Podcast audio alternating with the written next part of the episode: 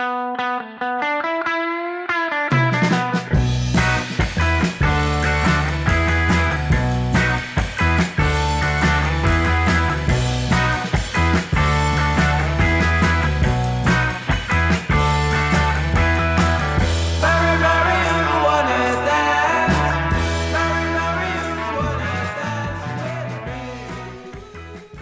Welkom bij High Tea met Dirk en Rens, een podcast over cannabis en alles wat met de plant te maken heeft. Mijn naam is Dirk Bergman.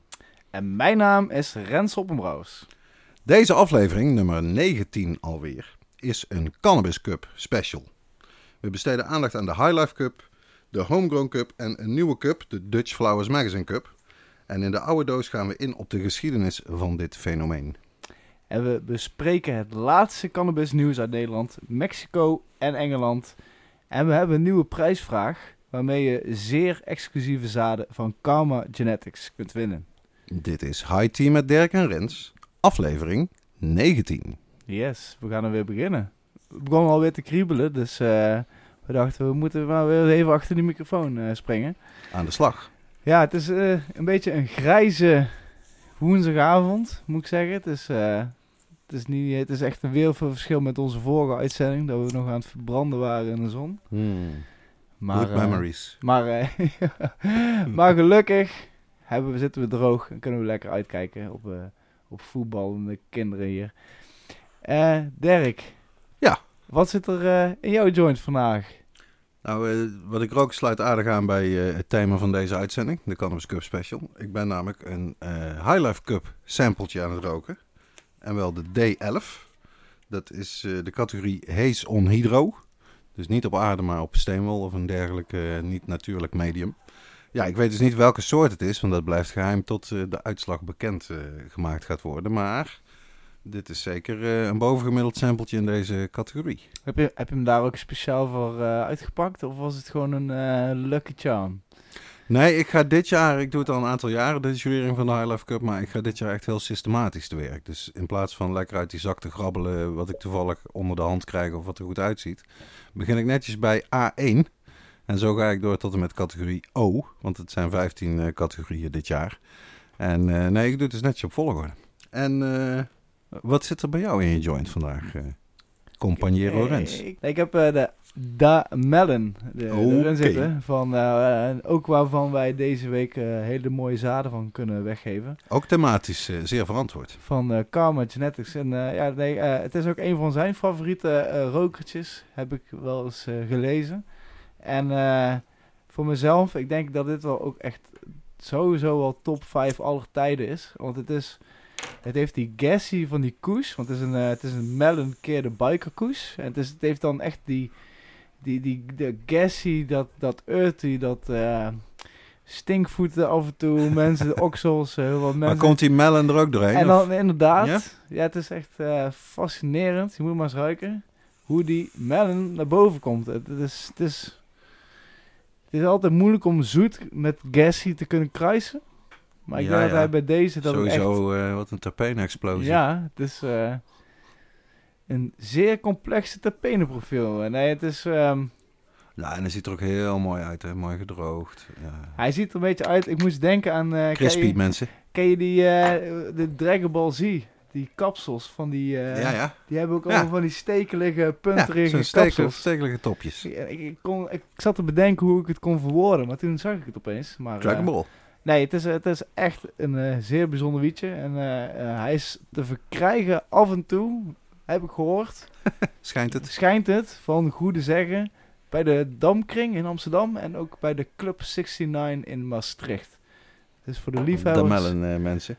zeker een keer halen. Ik zeg eh, We gaan door. nog iets nieuws. De nieuwsrubriek. Ja, zeker. We gaan eh, even kijken.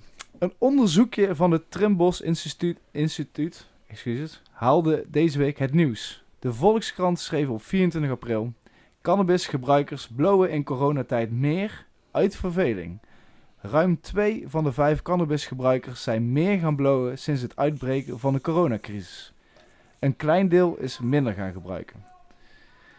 Ja, ik moet zeggen, ik heb zelf inderdaad ook uh, meegedaan aan Trimbos in uh, onderzoek. Want ik kwam toevallig, ik kwam toevallig tegen op volgens mij op Facebook of Instagram dat er zo'n pop-up kwam. Jij bent dus een van de 588 respondenten. Yes. Op basis waarvan deze conclusies zijn getrokken. Ja, ik denk dat ze niet ben je veel- meer gaan blowen, Rens? Sinds de corona-outbreak? Nou ja, dat, is- dat is. Ik- ja, het is, ik, ik, ik werk nou eigenlijk al de laatste maanden al- altijd al vanaf thuis of vanaf hier. Ja. En, en- ja, en dus blow ik eigenlijk gewoon hetzelfde als, ja, als daarheen eigenlijk. Misschien dat ik het afgelopen jaar nou wel wat meer blow dan, dan de Misschien ook wat betere wiet. Zou kunnen. Dat is ook... Maar werd daar bijvoorbeeld ook naar gevraagd? Rookt u betere wiet tijdens de corona? Nee, het was, meer, eh, het was echt meer van eh, hoeveel rook je? Eh, waar haal je het vanda- vandaan? En dat al die vragen en daarna ook na de corona. Dus nu het corona is, rook je meer? Haal je het ergens anders?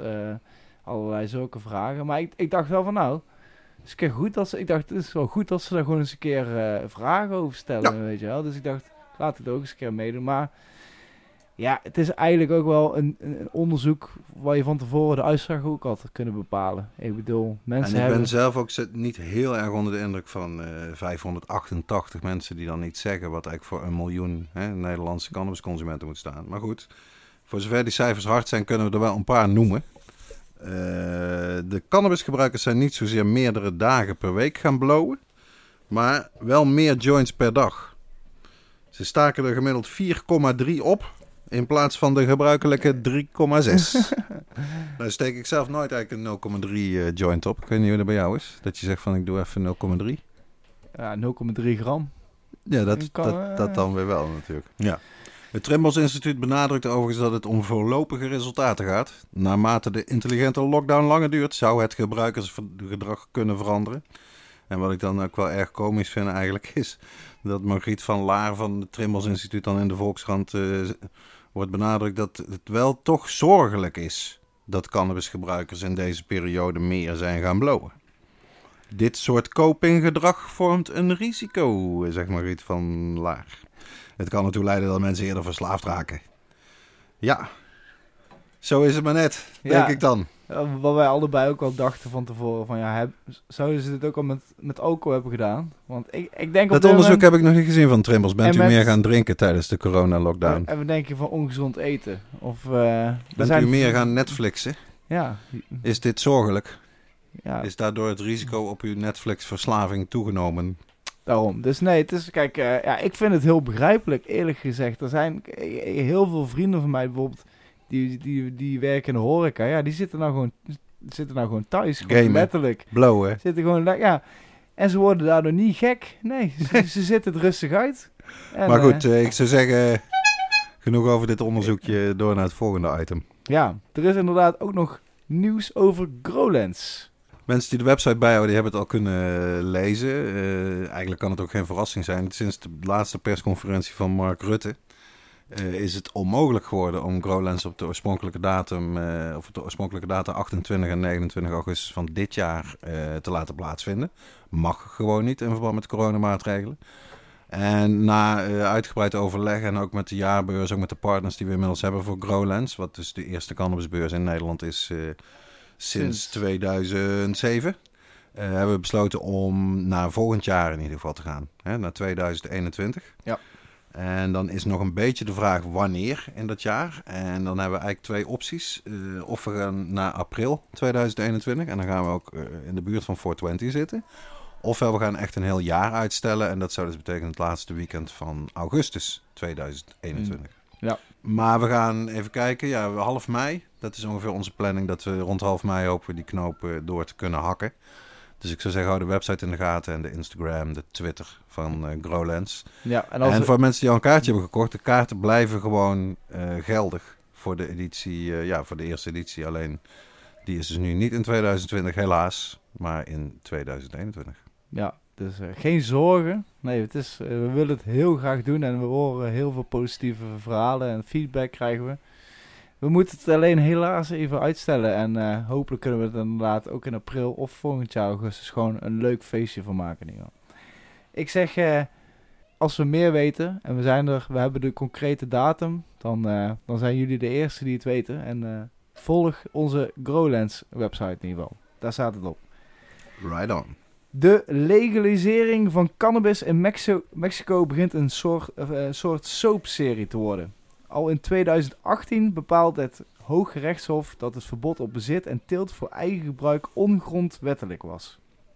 Maar de wet is nog steeds niet veranderd. Ja, ja, ja, dit is inderdaad uh, ja, een soort telenovela, zoals ze dat in uh, Mexico zelf zouden noemen. Een, een langdurende soapserie.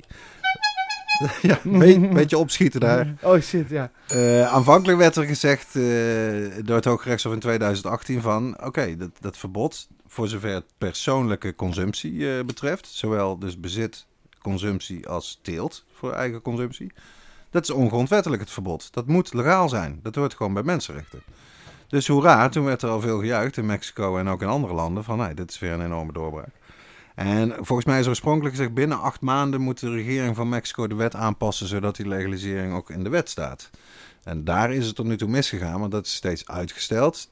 Toen kwam de corona.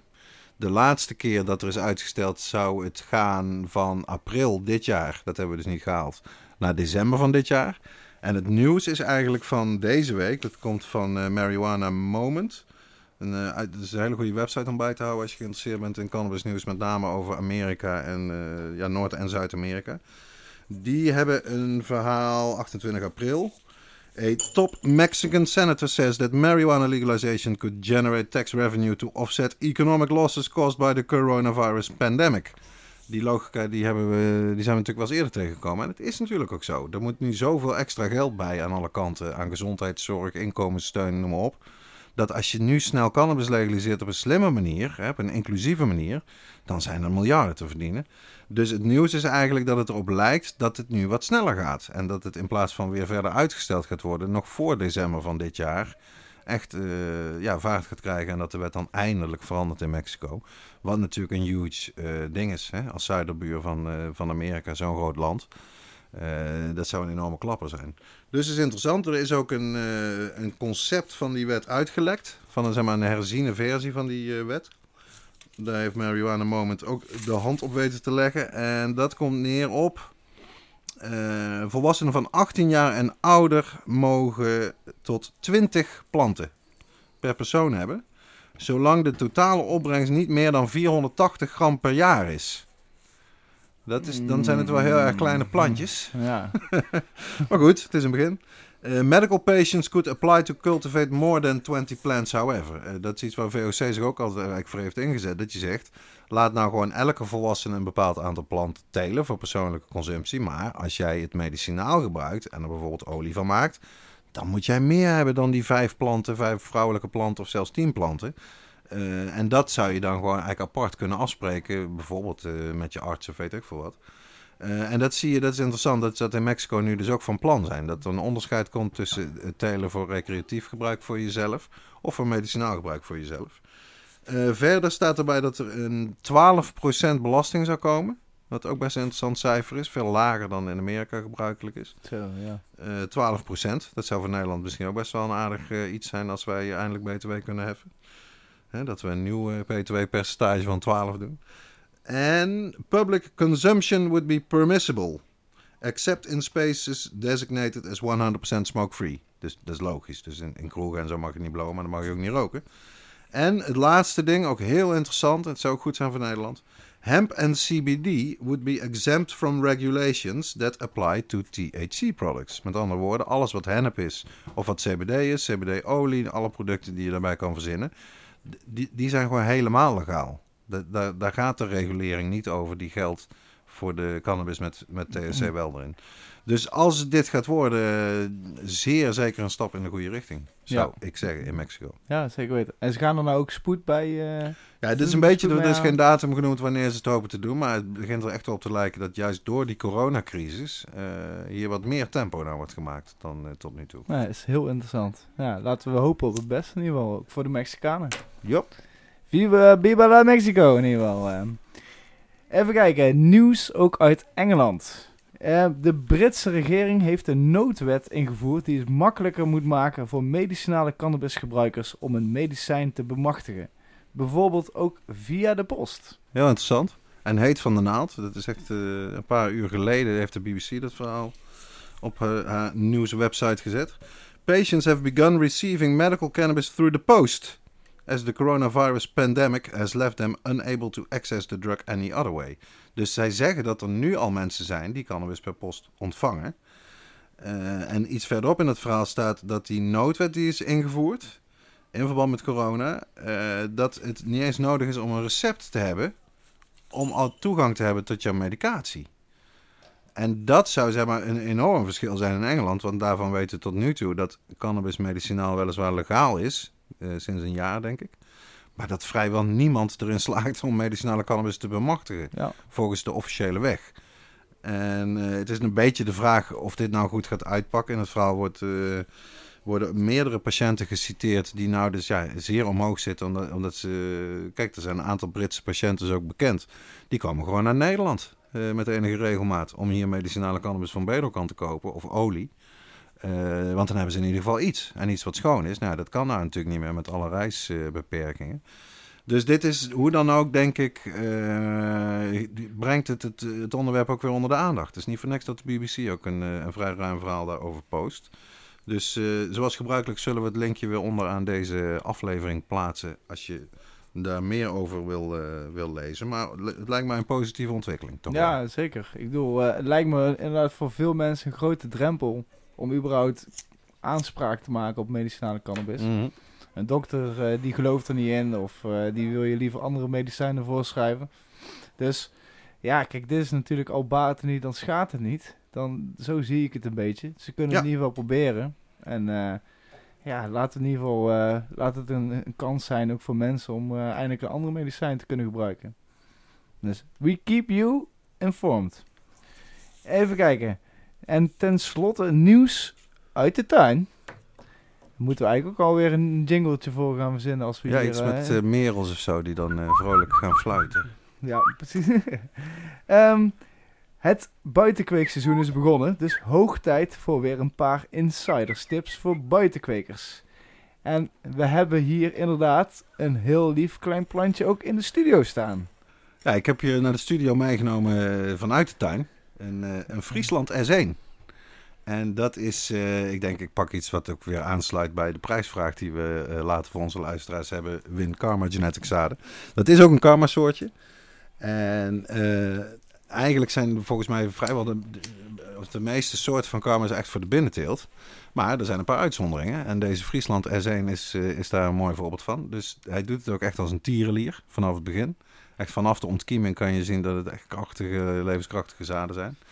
Ja, en nou, ze zijn nog schattige, kleine baby's. Ik denk dat hij inmiddels uh, centimeters of 12 is.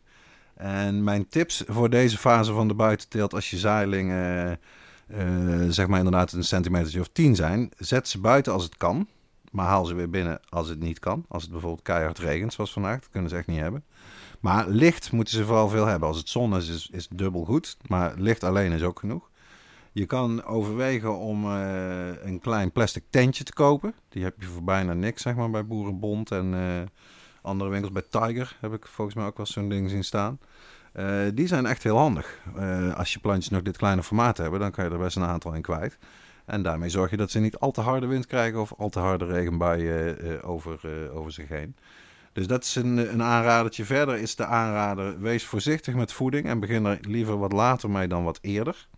Die zaailingen zijn echt nog uh, kwetsbaar. Dus die geeft sneller te veel dan te weinig voeding. En in de, in de grond zit toch vaak ook zat voeding voor de eerste paar weken, toch? Ja, ligt dan even zeg maar, zo met zo'n premix werkt. Die je inderdaad wel kan bestellen en bij growshops kan halen. Die zijn vaak voorbemest. Maar ja, je kan ook gewoon normale potgrond mee beginnen. En uh, zelfs als het neutraal is, uh, dan plantje heeft in ieder geval nodig. Een beetje water en, en zonlicht. Daar komt hij de eerste fase heel goed mee door. En het is wel zo dat als het niet te hard waait en niet te hard regent, dus inderdaad de mooie dagen die we achter de rug hebben, zet je plantjes dan zeker niet in een tentje, maar zet ze gewoon lekker uh, in dat briesje. Want dat zorgt er dus voor dat ze wat steviger worden en niet naar het licht gaan toegroeien, omvallen en uh, allerlei uh, problemen. en verder, daar hadden we het net al even over toen we naar het plantje goed keken, vanaf zeg maar tussen de 10 en de 15 centimeter, vanaf de derde internode, dat is zeg maar uh, de verschillende, ja, hoe zou je dat precies moeten omschrijven, Rens? De armen? Of, uh, ja, de zeker in de armpjes van, de, van het plantje, want het is nou natuurlijk nog heel klein, de zijtakjes. Eh, vanaf de derde, dan kan je eigenlijk al gaan toppen. Als je dan het topje eruit haalt, dan gaat die, die plant zich veel breder ontwikkelen. Eh, dat moet je zoals alles met, eh, met planten en zeker met, met jonge planten heel zorgvuldig en voorzichtig doen. Eh, op internet is zeker te vinden toppen, wietplanten. Dan heb je tien handleidingen hoe je dat kan doen. Eh scherp mesje. En waarom, waarom zou je dat dan doen? Wat is Ja, het dat doe je omdat als die plant breder wordt, gaat hij meer toppen ontwikkelen. Hij splitst zich, eh, eh, waar je zeg maar dat topje eruit haalt. Dan krijg je dus twee toppen in plaats van één.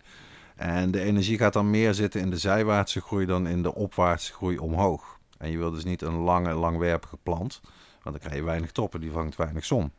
Je wil een lekker brede plant die op veel plekken die zon maximaal eh, tot zich kan nemen. En daarvoor moet je, ja, kan je toppen. Ah, is het, eh, dus geen, geen boom, maar een bosje. Een mooi bosje, ja. Ja. Een lekkere, brede, kerstboomachtige eh, verschijning. Dat is eh, wat lekker is. En nog een laatste tip. Is het al tijd om over te potten op die hoogte? Of zou je zeggen, wacht er nog heel even mee? Nou, overpotten altijd een handige vuistregel. Eh, kijk eventjes onder aan je potje. Zie je dat daar wortels in groeien en veel of niet veel. Kijk, als je veel wortels ziet, dat je duidelijk ziet dat de wortels gewoon tot aan de bodem van je pot zijn gegroeid, hup, meteen overpotten. Als je ziet dat er pa- pas enkele wittige puntjes en draadjes komen, een paar worteltjes, dan kan je nog even wachten. En eh, eh, ja, overpotten, het is handig als je in het begin met kleine plastic potjes werkt, omdat je daar een beetje in kan duwen zodat de kluit goed loslaat. Want wat je wil voorkomen is dat de kluit uit elkaar dondert. Dit zijn allemaal dingen die eh, onervaren kwekers allemaal een keertje meemaken. Precies. het Cannabis Cup seizoen is begonnen.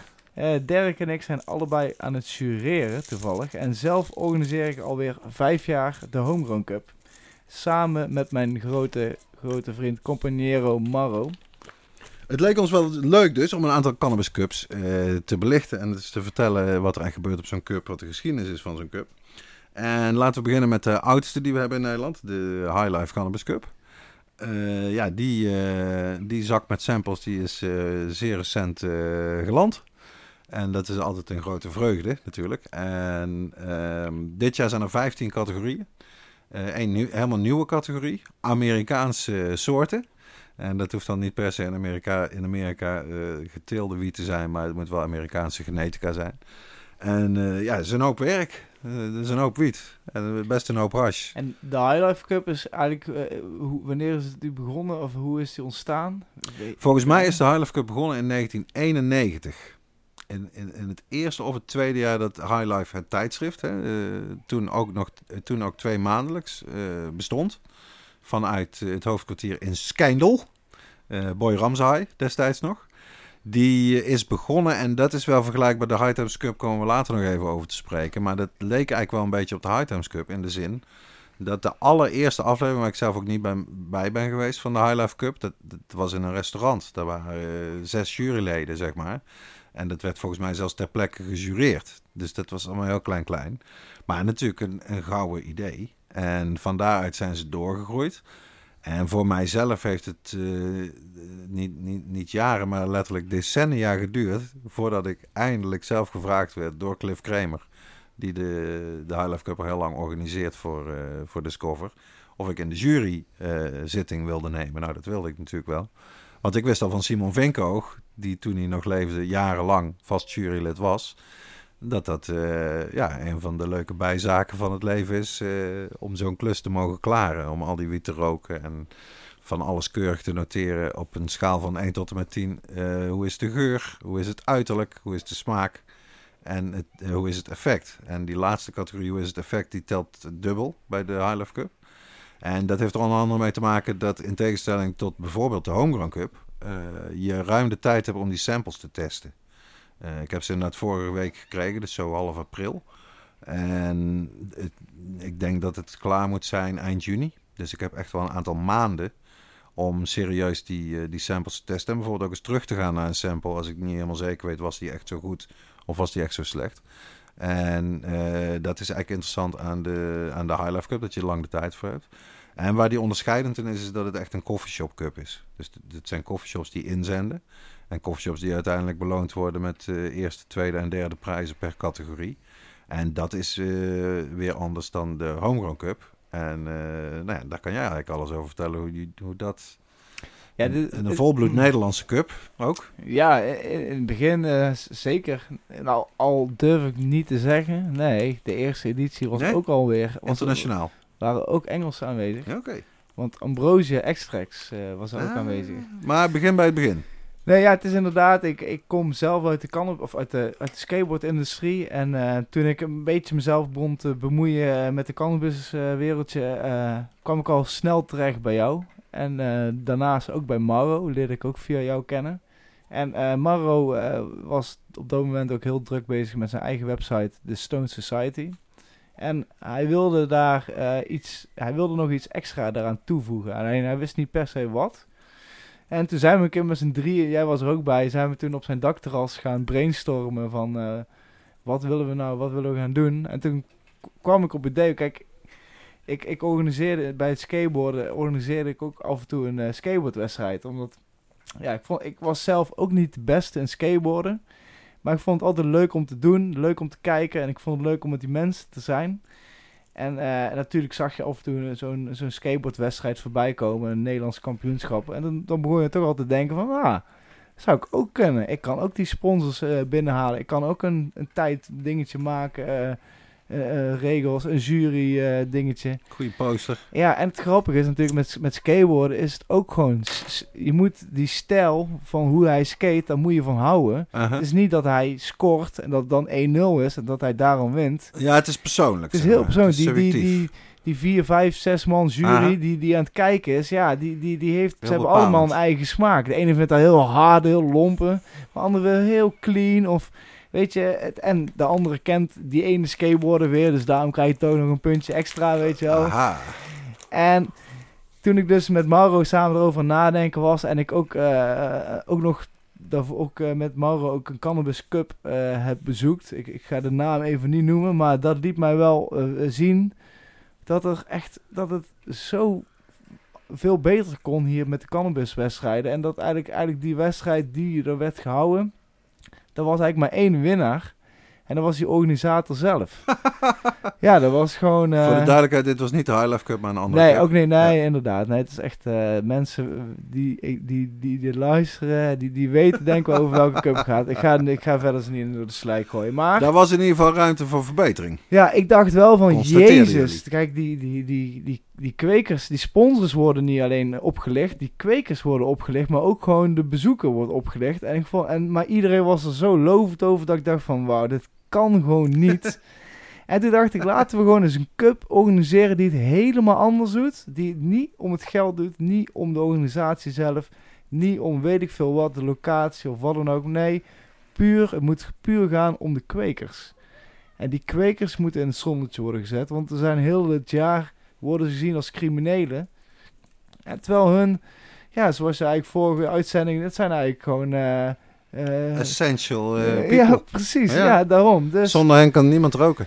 Behalve de, behalve de thuisstelers. Ja, exact. Maar het is, dus toen, toen zijn Mauro en ik, we, hebben gewoon, we zijn begonnen met een hele kleine cup met, met 12 deelnemers. En okay. ook nog niet eens wetende wat. Volgens mij was jij daar ook de fotograaf uh, van. En en, en eigenlijk, en, en ons, puur ons concept is gewoon zorg dat mensen gastvrij of dat ze zich welkom voelen. En dat ondanks dat ze misschien de laatste eindigen op zo'n dag, dat ze helemaal bevredigend en helemaal happy naar huis gaan. Daar kan ik zelf ook van getuigen, want ik heb nog nooit een uh, cup uh, kunnen winnen bij de Home Run Cup, terwijl ik al vier keer heb meegedaan volgens mij. Maar ik voel me inderdaad altijd heerlijk als ik wegga. Ja, ja, het is echt. en ik voel me ook al heerlijk als ik aankom, want dan heb ik al voorpret voor de dag uh, waarvan ik weet dat hij me te wachten staat. Precies, ja. Het is, en het is echt uitgelopen naar gewoon een eendags evenement. Inderdaad, afgelopen jaar twee keer in het jaar.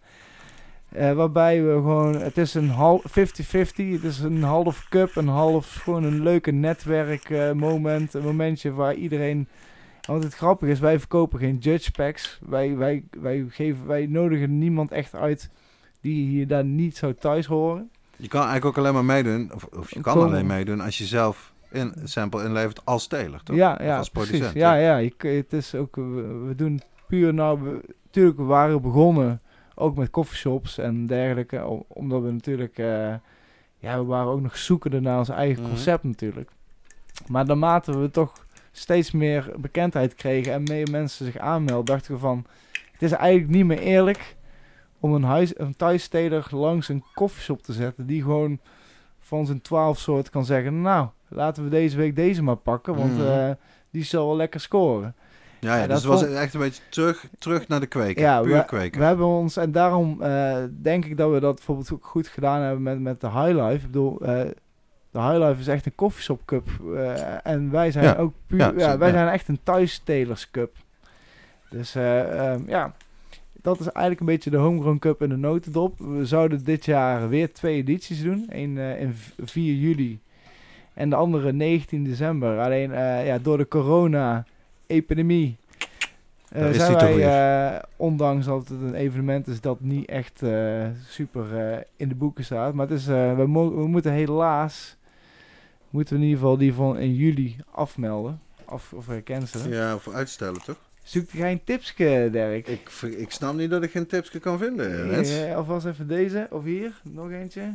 Ik wil wel namelijk een goede tip voor Ja. de uitzending. Niet eh, Ja, het wij, afslachtige gedoe. wij geven heel veel tips, maar we willen ook af en toe zelf heen. Een goede tip is belangrijk. Nee, maar we, ehm, ik ben, eh, we gaan eh, samen met Mauro druk in overleg hoe we het precies gaan doen. Of maar één cup in december, als alles weer een beetje positief is en iedereen toch ook kan reizen, dat is ook belangrijk.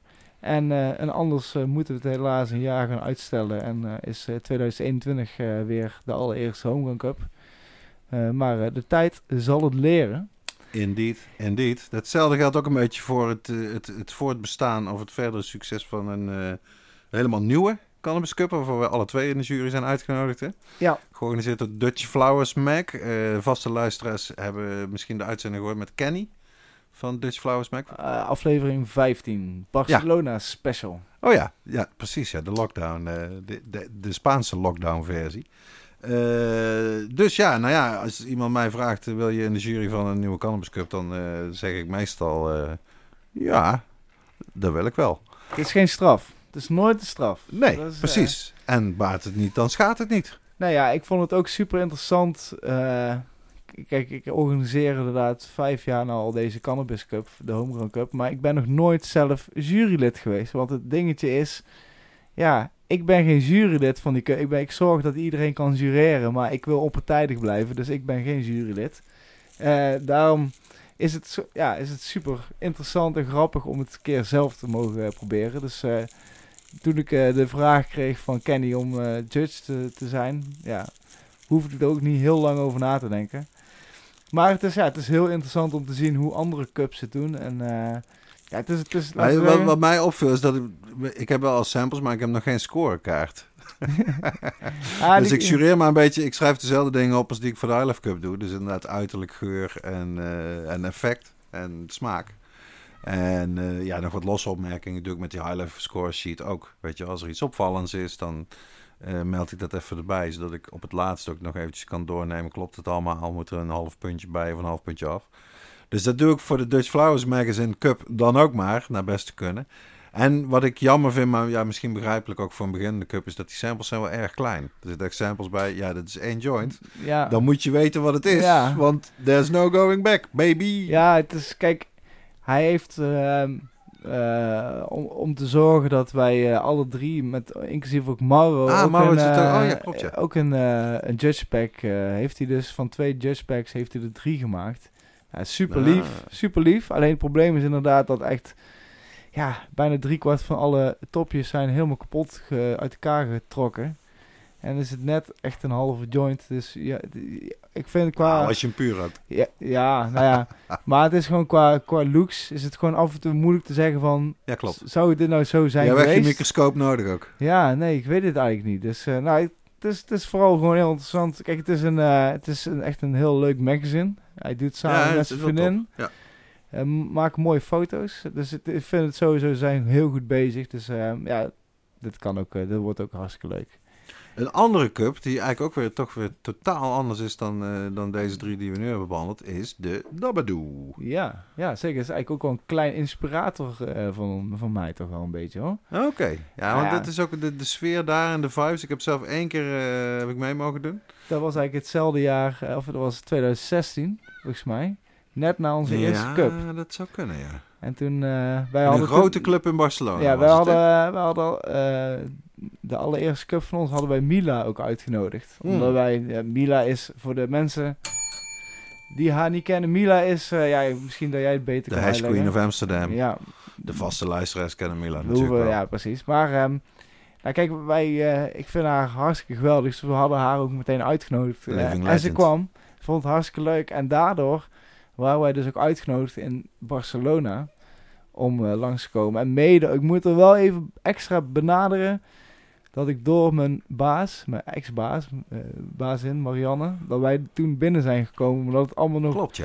Het was allemaal een beetje moeilijk en... Uh, ja. Uh, ik weet ook nog dat gevoel toen we dan eindelijk ja. door die deur mochten, weet ja, je wel. En heeft, daar was het dan. Dat was veel Ja, mooi. Was gewoon heel druk op dat moment. Dus we, die mensen spraken moeilijk Engels. Was moeilijk. Dus gelukkig was mijn baas in to the rescue om ons uh, naar binnen te... Nogmaals, ja, uh, dank magical, ervoor. ook, die ja, ja, zeker. Weet Alles top. Het is echt een pure concentraat of een uh, solvent rozen competitie. Het woord zegt het al, hè? Debadoo van uh, Debs, Debbe. Dus inderdaad moderne concentraten met uh, ja, moderne extractie gemaakt. Shatter, wax, al die verschillende dingen. Uh, Live resin is er een beetje echt bijgekomen als nieuwe sterren. Ja. En uh, ja, dat is wel... Kijk, voor mij is het een beetje sinds die Dabadoo destijds, weet ik dus... Want onder normale omstandigheden, beste luisteraars, heb ik dat echt niet. dat als ik zeg maar tien dabs achter elkaar, of achter elkaar, tien dabs op één avond rook... Dat ik nog steeds niet omval en dat ik mij gewoon lekker high voel. Niks aan de hand voel me prima. Ja, ja. En, ik, en het, ja, de smaak is toch anders. De beleving is heel anders hè, van een dab als je het vergelijkt met of roken of vastroken. Of ja, het is heel uplifting. Echt hè? Dat is ook gewoon, ook misschien ook puur omdat er geen tabak bij is of zo. Dat het ook dat alleen die turp zet. Super en de, zuiver is het hè. Alles wat niet uh, een effect heeft is er afgehaald, zou je kunnen ja. zeggen, of eruit gehaald. En daardoor zou, kun je ook makkelijk op zo'n avond of zo'n dag kun je behoorlijk wat samples uh, testen. Omdat je, ja, is... maar ik merk dat zelfs ook bij ervaren stoners, dat ze zoiets hebben, ja, maar die dabs, uh, ook omdat het, het, ziet er vaak wel een beetje intimiderend uit, hè, met zo'n dab rig en zo'n grote flame torch, weet je, met zo'n Ja, grote eh, vlam. Ja, ik dacht in het begin, voordat ik het zelf had gedaan, had ik ook wel een beetje zo'n gevoel van, nou, ik weet niet, ik vind het een beetje American. Ik vind het een beetje over de top. Ik hoef niet per se knetter super mega stone te worden. Ik wil lekker high zijn. Maar dat bleek dus toch gewoon ook weer een soort voordeel te zijn. Want dabs prima. En jammer uh, dat in de coffeeshops in Nederland, uh, ja, je komt zelden of nooit kom je moderne concentraten tegen helaas. Ah, het staat nog helaas volgens mij op de opium 1 lijst. Ja, het wordt als zodanig behandeld. En je Ja. kan een uitzending, uh, een hele aflevering kan je wijden aan de vraag hoe dat juridisch dan precies zit. En of er nog een uh, stukje wiet uh, bij moet zitten voordat het wel of niet hash is, et cetera. Maar in de praktijk komt het op neer dat bijna geen koffieshop het aandurft gewoon om dabs op een menu te zetten. Hoewel ze dat denk ik ook best graag zouden willen. En, maar ook dat echt, ja, met alle respect, maar dat de gemiddelde cannabisconsument ook vrij weinig weet over, uh, over dabben, om het zo maar Ja, te zeggen. Als ik in, mijn, in een coffeeshop werkte en we hadden een concentraat een keer bij, of we lieten het zien. Mhm. Ja, iedereen keek van, wat is dat nou, Ja. weet je wel. Echt, Het is ook wel next level. Het ziet Ja. er heel anders uit. Mooi doorzichtig, weet je wel. Het, het ziet er prachtig uit vaak, hè? ja, en, en, en inderdaad, wat je zegt, zo'n torch, het is toch... eh, toch wel anders of dat je buurman langs je met een eh, aanstekertje zijn Ja, jointje zeker. zit aansteken. Of dat iemand met een torch zijn, eh zijn uh, dabrik zit te verwarmen. Dat- het, is, eh, het is iets lastiger. Maar ja, wat je in die Spaanse social clubs ook zag, het, het werkt in principe gewoon prima. het werkt Tuurlijk. hartstikke prima. Iedereen let op elkaar en eh, verder niet heel veel overlast. maar wat ik nu even wilde zeggen over de Dabadoo, dat was voor mij ook echt een unieke ervaring in die, in die club in Barcelona. Met dan, we kregen volgens mij met z'n drieën kregen we twee samples, eh Judge Sample packs, packs, van. Mila. Die echt Zag er ook mooi uit. ramvol zaten. Echt, ja, een mooie etui vol met samples. Echt, eh, nou, we hebben heel die week uh, knetterstoned zijn we geweest. Maar het was ook dan ook die omgeving. Het was eh, vol met gezellige mensen. En daar aan de Goeie zijkanten... muziek. Maar aan de zijkant kon ik nog herinneren dat er van die... eh, ja, dat, Glasblazers. gla- ja, ook, maar gek. ook, ook die eh, slaps met concentraat. Ja, dat, nou, ja, kun je gewoon Kijk, aansluiten. ja, iedereen had dus al een judge packs. iedereen zat er al knetterhard te dabben. Maar er stonden dus ook op een gegeven moment eh, eh, aan het midden van de zaal stonden er vijf, zes gasten op een rij. Die hadden, die hadden gewoon een slap concentraat liggen. Nou, zo groter als mijn hoofd, gewoon om zo maar te zeggen. Dikke En- A4 gewoon. Ja, en daar kon je dan ook nog van hun nieuwe dingetjes proberen. En ja, dat was echt letterlijk de eerste dag, avond dat ik ooit echt concentraat echt goed had gerookt. Ja, viel goed toch? Zo, dat was, eh, ik werd meteen in een warm bad eh, gegooid. Nee, het was echt eh, fantastisch. En, Zo even in die THC-ketel gevallen. Ja, ja, en lekker eten erbij. En, Ja, dat was helemaal top. nee, het is ook een, goede, een hele goede cup. Helaas elke keer wel veel problemen met de politie eh, de laatste Ja. jaren. En om een club te vinden die het aandurft hè, om de, als locatie, als venue te doen. ja, eh, heel begrijpelijk stiekem ook wel. Bedoel, eh, Ja, je wil geen probleem. nee, het is als club, je wil toch een beetje onder de radar blijven. En als er dan een grote banner staat met eh hier. Kijk, in die zin, misschien dat de High Life Cup daarom ook al zo lang bestaat. Het is natuurlijk lekker discreet. Ik geloof dat de jury bestaat uit de 11 juryleden. Die, die judgen allemaal lekker thuis. Dus eh, qua lockdown is dat eigenlijk ook prima. Hè? Dat kan je beter doen.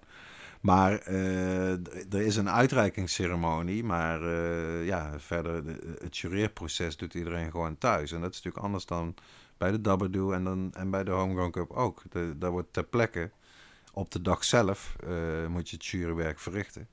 Wat, wat wel zorgt dat je, ja, dat zijn, ik vind het geweldige evenementen. Ja, bij de Homegrown Cup is het af en toe ook onbegane werk, moet ik ook eerlijk zeggen hoor. Want het is natuurlijk, we zitten met zoveel dingen waar we rekening mee moeten houden. We, willen, we moeten zoveel compenseren. Natuurlijk zouden we alle mensen die zich inschrijven willen uitnodigen, maar dan, ehm, ja, dan kan het niet op één dag. Ja, en de Ja. categorieën worden te groot. Je kan, eh, Ja. kijk, 15 samples, zoiets, dat, dat is nog wel enigszins op een lange dag. Hè? Als je het systematisch aanpakt, kan je dat nog wel redelijk... Want bij jullie, dat is ook nog wel interessant om erbij te vertellen. Waar bij de High Life Cup het effect dubbel telt, telt bij jullie het effect helemaal niet mee. Nee, ja, die- Omdat die- jullie ook wel figuren van, ja, na de tiende sample, hoe weet je nou hoeveel procent stoner je bent dan daarvoor, weet je wel. Maar de geur, eh, de uiterlijk... eh, smaak. Ja, en hoe die brandt, Ja. dat zijn dingen die eh, redelijk objectief, zeker voor mensen met enige ervaring zijn, die wel vast te stellen, ook na 12 joints. Maar niet met fucking 30 joints, Nee, weet ja, je wel. precies. Of jullie moeten een weekend van maken. Ja, kijk, inderdaad. En dan zit je denken, kijk, het is inderdaad een, eh, een eendags evenement. Ja. En ja, er zijn heel veel mensen die gewoon van ver weg komen, die, eh, ja, die... Ja, je zou... eh, We zitten natuurlijk ook wel aan te denken om er een weekend van te gaan maken in de toekomst. Eh, de, de locatie die wij altijd Die leent gebruiken... zich ervoor. hè?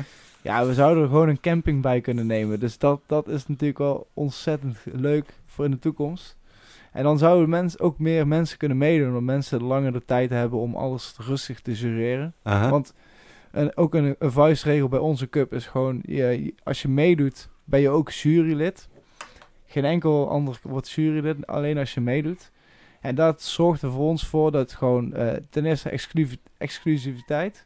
En ook ehm, de mensen die jureren zijn gewoon echt kenners. Ja, Ze doen het zelf al jaren. Ja, die hou je niet voor de gek. En als jij wint van alle kwekers en door, benoemd ook door alle kwekers, ja, dan, dan kan niemand je meer afpakken. Dus eh, vandaar dat het Nou Rens, daarmee kom je onbedoeld een schitterend brugje, loop je hiermee op, Oh, naar onze rubriek De Oude Doos. Want ja. je zegt het al, als je onderling met kwekers gaat bepalen wie het het beste heeft gedaan, beter kan je het eigenlijk niet hebben. Dus ik neem maar even de vrijheid om vast de rubriek De Oude Doos, we houden de vaart erin, eh, te doen. Want die is ook eh, in het kader van het thema van deze Cannabis Cup Special, eh, hebben we ons de vraag gesteld, wa- wat is de oorsprong van het fenomeen Cannabis Cup? En dan moet je teruggaan, voor zover ik dat zelf terug heb kunnen vinden, naar 1971. Het oudste Cannabis Harvest Festival in Amerika. Dat is de Great Midwest Marijuana Harvest Festival in Madison, Wisconsin. Ik had zelf altijd gedacht dat eh, Californië de bakermat was van een moderne Cannabis eh, Cup en festival. Maar dat blijkt toch in ieder geval voor zover ze nog bestaan, eh, Wisconsin te zijn. En daar staat hier wel bij, eh, as USA's longest running marijuana harvest fest, the aim of this event is more political than anything. Dus er wordt denk ik wel eh, getest en gejureerd. Maar het is, het is toch anders dan dat, dat echte oogstfestival idee. Dat weten we uit de, de, de cannabisgeschiedenis uit interviews met Steve Hager. De man die de High Times Cup in Amsterdam eh, heeft ontwikkeld en verzonnen. In eind jaren tachtig. Hij heeft in meerdere interviews verteld dat hij eigenlijk op dat idee is gekomen toen hij voor het eerst in Amsterdam was geweest om een verhaal te maken over Neville Schoenmakers, de King of Cannabis, in het Cannabis Castle. En hij heeft daar, dat kan ik hier ook bijzoeken uit een, uh, uit een boek wat daar specifiek een, uh, een passage over heeft. Uh, I met the founders of Cultivators Choice, an almost defunct American cannabis seed company. En Cultivators Choice is inderdaad, die, die, die staat bekend uit Californië als een van de aller, allereerste zadenbanken. Mensen die serieus met kruisingen en zaden aan de gang gingen. En zij vertelde over de Spectacular California Harvest Festivals of the 70s. That's when I got the idea of holding a Cannabis Harvest Festival in Amsterdam. Uh, nou, zo uh, geschieden. Dat is ook dus buitengewoon klein begonnen en aangegroeid. En hun concept, in zekere zin ook heel Amerikaans, uh, ja, alles voor de mighty dollar. Jij moest gewoon dik betalen om een Judge Pass te kopen. En dan had je wel een geweldige week in Amsterdam. Want je kreeg concerten erbij in de Melkweg. Er was een kleine soort mini-cannabisbeurs. Uh, ergens ook op de locatie die, die bij High Times hoorde. Maar de wiet moest je nog zelf gaan kopen. en er werd aan alle kanten, zeg maar, naarmate dat evenement groeide, uh, ja, werd er zoveel geld gestoken in promotie en in perks en in taxibusjes laten rijden van de melkweg naar de koffieshop om te hopen dat mensen dan eerder op jouw uh, strain uh, zouden stemmen. Uh, Leafly heeft in een verhaal over iconische cannabis-evenementen geschreven over de Cannabis Cup. Dat vond ik nog wel aardig. Uh, it started as a small private affair among a select few Amsterdam coffee shops and cannabis breeders. The Cannabis Cup eventually evolved into a world famous week long competitive event. It came to draw thousands of enthusiasts from dozens of countries on a pilgrimage to judge the finest cannabis and make some like minded new friends without having to worry about the police, all in one of the most beautiful and cannabis tolerant cities on earth. En iets verderop in het stuk schrijven ze dan: It was the cannabis industry before there was a cannabis industry. En dat vind ik inderdaad een mooie en terechte uh, ja, samenvatting van wat die Cannabis Cup was in de jaren negentig. Want er was niks. Weet je, overal was het zo verboden en zo gevaarlijk. Dat je ook alleen maar in Amsterdam zou je, zou je van de hele wereld zou je zo'n evenement kunnen doen. Waar mensen gewoon openlijk wiet roken en praten over wiet. En uh, hup, wiet weggeven, noem het allemaal op. Dus, dus ik denk ook dat in de ontwikkeling van die cannabisindustrie, wereldwijd en natuurlijk met name in Amerika, maar met, ja, met de grotere uitstraling, daar is die High Times Cannabis Cup, wat je er ook voor kritiek op kan leveren over hoe eerlijk nou precies die judging was, super belangrijk geweest. Al die mensen die elkaar daar tegenkwamen en ook elk jaar elkaar daar tegenkwamen. Amerikanen met Amsterdammers, met Fransen, met Spanjaarden. Daar zijn heel veel dingen die hebben daar hun oorsprong, zeg maar. En daarom vind ik het zelf altijd wel mooi. Uh, ja, ik wil teruggaan naar de Homegrown Cup. Volgens de allerlaatste High Times Cup in Amsterdam was in 2014, toch? Ja. Heb jij dat scherp? Ja, 2014. Ja, en in 2015 was het de eerste ja. Homegrown Cup. Ja, het, was, het is ook... Uh, ja. Ik zal het ook nooit ontkennen dat dat ook een van onze motivaties is geweest. Ja, toch? Dat je dacht, nou, die cup is weg. Ja, dat was ook echt letterlijk de uh, week of zo voordat wij die vergadering hadden. kwam toen het nieuws van... Geen high times meer in Amsterdam. Ze doen het alleen maar in Amerika. terug naar Amerika. Ja. En toen dacht ik ook, nou, 1 plus 1. We willen iets extra's doen. er gaat iets weg. Er is een gat. En ik vond het sowieso toen al leuk om wedstrijden te geven. Ik denk, ja, dit is gewoon een geweldige kans. Ja. Hoe kwam je op die naam eigenlijk? Van wie is die naam? Ja, die heb ik ook verzonnen. Ja? Ja, ja, ja, dat, dat, ja als het goed is wel. Tenzij ik nou keihard van Mauro om mijn vlekken krijg dat ik het gewoon niet heb. Nou ja, want de grap is, beste luisteraar. Zowel uh, Rens, die hier tegenover me zit, als Mauro, de andere founder van de Homegrown Cup, die hebben nooit in hun leven ook maar één wietplant geteeld, toch? Ho, ho, ho, ho, ho. Dat dacht ik. Nee, nee, nee. Ja, kijk, Zet het even recht. Ja, nou, ik, ik woon al zeker drie jaar nou anti-kraak. Dus vandaar dat ik helaas geen cannabisplanten bij mij kan houden. Nul planten. Nul planten. Uh, ik woon echt super, super relaxed en dat wil ik echt niet opofferen uh, met mijn hobby. En ik, ik, ik, ik vind het heel lastig. Ik vind het ook kloten. Maar daarom ben ik extra vaak bij Dirk. Zodat ik zijn plantjes kan zien. Nee, toen, ik, ik, mijn eerste plantje... Hij mag ze ook wel eens water geven, beste luisteraars. nee, mijn eerste plantje is, uh, is eigenlijk geweest... Ik weet niet meer precies welke zaden het waren. Ik, ik, ik, ik dacht, de eerste echte zaden die ik echt wist welke het waren... waren die van Nicole, van uh, Marin Berels. Van, ah. Maar daarvoor had ik dus, eh, toen ik dus nog bij mijn ouders woonde, had ik enkele, en ik denk dat het amnesiazaden of zoiets waren, had ik gekregen van een vriend van mij. En ik was toen al heel lang nieuwsgierig en ik wilde het heel graag doen, maar mijn ouders waren natuurlijk best wel tegen. Ze waren al niet Nou, heel fan. natuurlijk, natuurlijk. Nou ja, eh, mijn ouders eh, waren een beetje zorgelijk. eh, ze zijn, heel, ze zijn gewoon heel erg.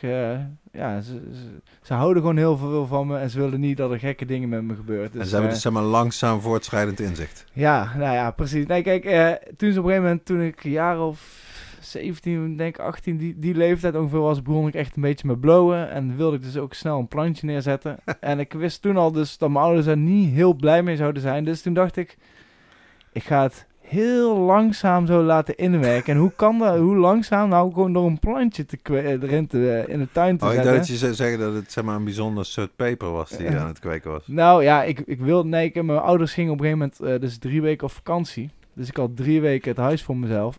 En dus ook de tuin voor mezelf. Dus ik dacht, ik zet dus drie plantjes, eh, zet ik er dus middenin. In de grote hoop dat ze het ten eerste niet zouden ontdekken. En eh, dat ik ze daarna kon vertellen van, zie je wel, hè, het staat gewoon in je tuin, maakt niet uit. Maar echt, eh, ze waren thuis en letterlijk dezelfde dag nog kwam mijn pa naar me toe. Hé hey, eh, Rens, er staan hier drie van die kleine plantjes in. Die heb ik echt nog nooit gezien. Weet jij er iets van? Dus ehm, ja, dus ik heb het toen maar eh, opgebiecht. En, eh, en mijn moeder die zei, ah, ah eruit, en eh, bah." en ons pa zei, "Ah, weet je wel, laat het gewoon anders gewoon groeien. Ik vind het wel ook wel een leuk experiment. Dus toen ben ik echt ja, elke dag gewoon drie keer bij die plant ge- ge- gezeten, gehurkt, geknuffeld, water gegeven, liedjes voor gezongen, Dat is wat alles je voor moet doen. gedaan. En hij- ik moet zeggen, en er was ook nog dezelfde periode dat ik toen ook op de wietforum.nl eh, ook, ook eh, Goeie tips. goed eh, aanwezig was. En ook om mezelf natuurlijk veel dingen te laten leren. En je had daar zo'n, ehm, je hebt dan zo'n groeidagreport, of weet ik veel, zo'n dagboek. Aha. Met zo'n topics. Dat je dus eh, ja, ik alles kan bijhouden. Dat je foto's elke van je plantjes la- uploaden. Dat je kan laten zien hoe het gaat. Dus ik, ik hield ook mooi zo'n topic bij van mijn eigen plantjes. En, eh, en toen, ja, ze waren echt mooi groot. En eh, het kwam in de, in de fase dat ze dus een beetje in de bloei gingen staan. Dus ik dacht, oh, mooie bolletjes allemaal. Het water liep je al in de mond. Ja, geweldig. Dus ik heb mooie foto's van gemaakt en ik op wietvorm gezet.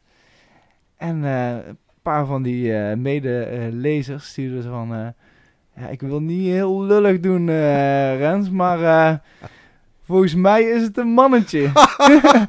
ja, want eh, ik, ik, ja, met alle respect, ik wist er nog niet heel veel van wiet af. En ik dacht gewoon, oh, dat zijn mooie bolletjes die bloeien. Daar komt mooie wiet oh, uit. man. En waren ze allemaal mannetjes? Alle drie Dat is op zich dan nog bij slecht nieuws goed nieuws. Want anders waren je vrouwelijke planten gewoon bestoven Ja, natuurlijk. ja, Had je er ook niks aan gehad. Nee, dus de... Had je nog wel zaadjes eraf kunnen halen. Dat dan wel. Ja, maar... Eh, maar dat is de beste leerschool. ja, nee, Alle en, fouten een keer zelf maken. En ik moet zeggen, ook eh, daarna, ik, bedoel, ik wist toen al, want iedereen stuurde, ja, haal ze eruit, maak ze kapot, eh, weet je wel, omdat dan die geen pollen in de lucht. Ja, en voor de rest. Ja, Zeker, die ja. kan honderden meters ver komen. Hè? Precies, dus ik dacht, ja, ik dacht, oké, Voor alle luisteraars, beginnende telers die mannetjeplanten hebben ontdekt. Inderdaad, zo snel mogelijk in een kliko vernietig het, maak het kapot, weg, weg. Verbrand. Want eh, die pollen, die kunnen veel kwaad doen bij mensen die wel netjes eh, mannelijke planten op tijd weghalen. En niet willen dat hun vrouwelijke planten bestoven worden. Ja, dus, maar ja, hey, ehm,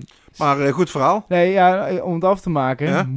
Ja, eh, niks. wietplanten eh, kapot maken is eh, makkelijker gezegd dan gedaan de, de, eerste sterkste keer. natuurlijke vezel. Ja, maar nee, maar ook gewoon, weet je, dat, dat zijn gewoon je kindjes. Emotioneel, je hebt gewoon twee of een maand lang flink voor gezorgd. En je pijn. moet ze gewoon kapot maken. Ja, dus, maar, dat, dus even er wel even bij zeggen, dus, dat ik wel wel plantjes heb gekweekt.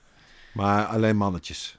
Eh, ja, en ik heb daarna nog, nog eigenlijk mocht ik daarna nog weer eh, plantjes zetten voor de, ja, dus toen is het wel goed gegaan. Eh, en maar, ik moet er wel even bij vertellen, de autoflowers zijn de Ja. enige die Hm. ooit bij mij fatsoenlijk tot echt fatsoenlijk roken klaar zijn gekomen. Ah, jongske al- toch. Ik geef je nog wel een paar tips. Ja, precies. Daarom luister ik deze podcast aandachtig.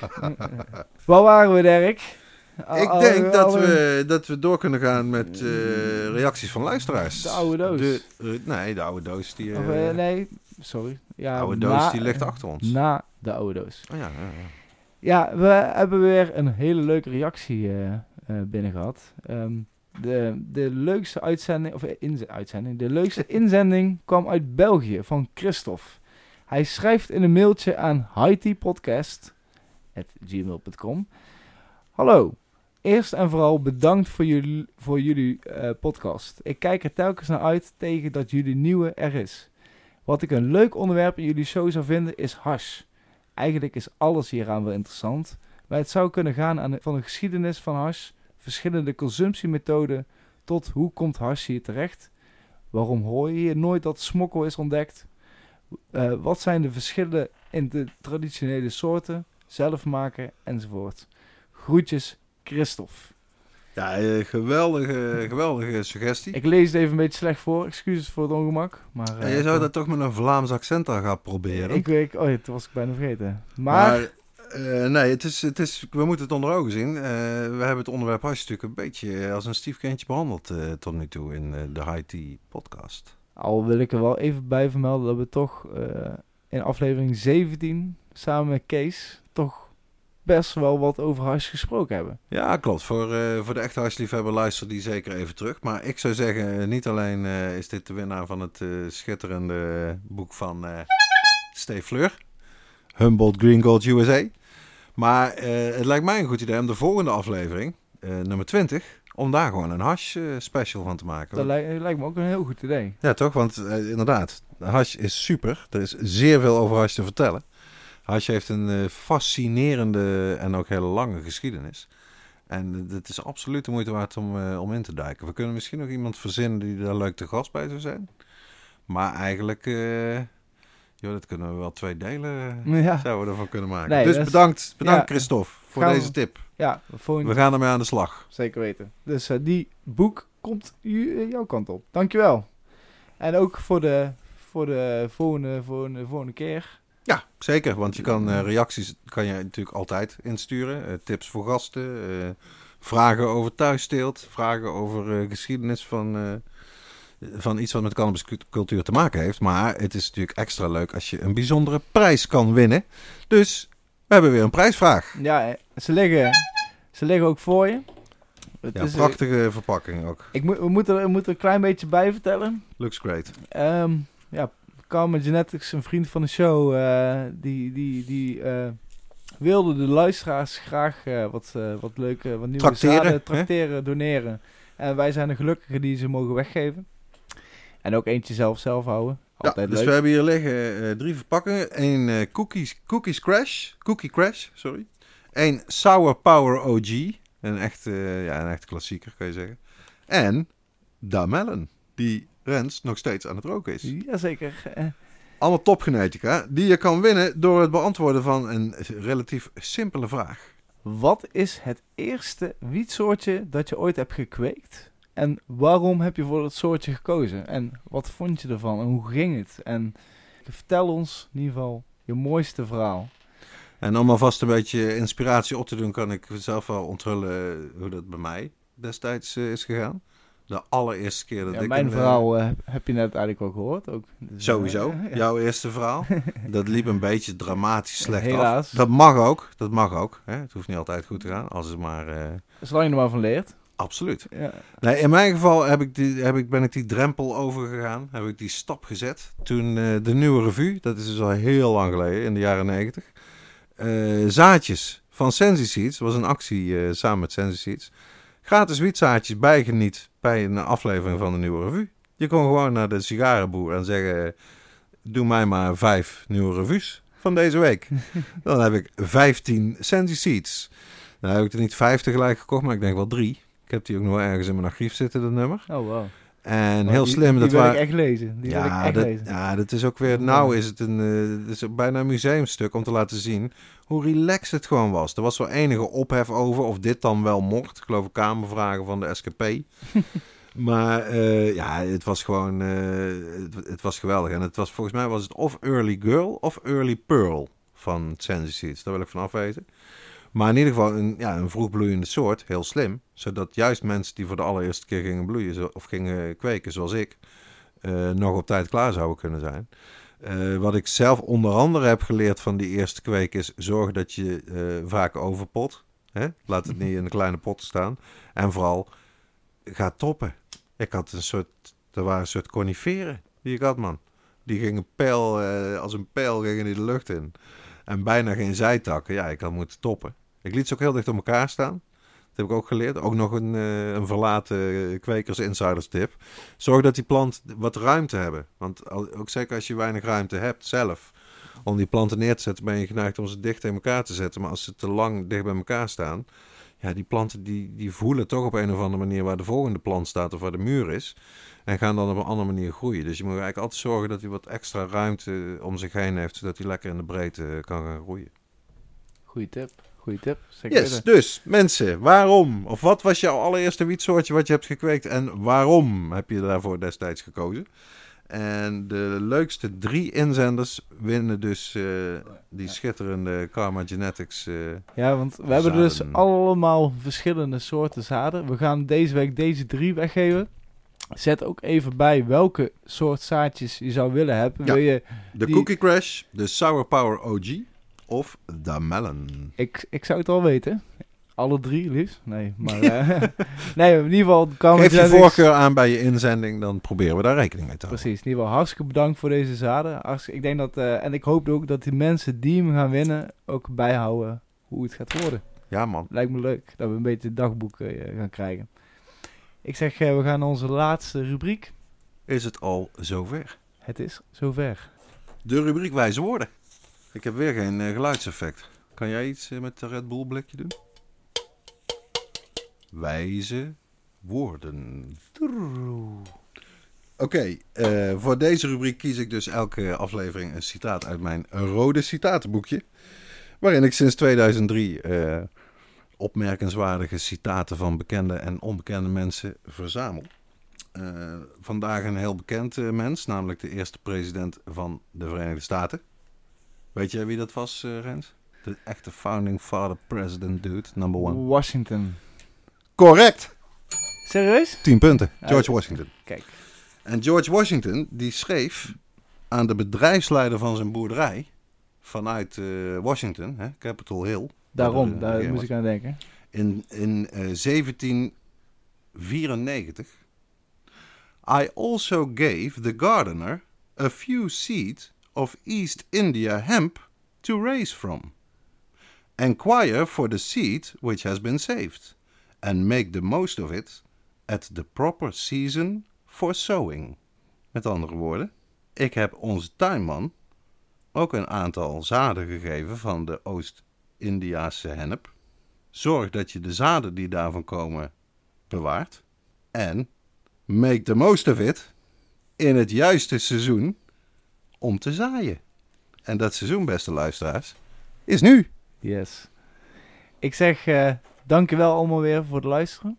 Dankjewel aan Karma Genetics voor eh, de dulle, gulle donatie van, eh, van de zaden. Voor Ja. de prijsvraag. Zeker weten. En ja, stuur je stuur reactie in naar hightpodcast met een t at gmail.com. Volg ons op social media. Ja. Het High Podcast. Ja, of, eh, of stuur je reactie in onder in de comments. Dat kan altijd, Kan ook. in ieder geval. Dankjewel allemaal en eh, tot de volgende keer. Houden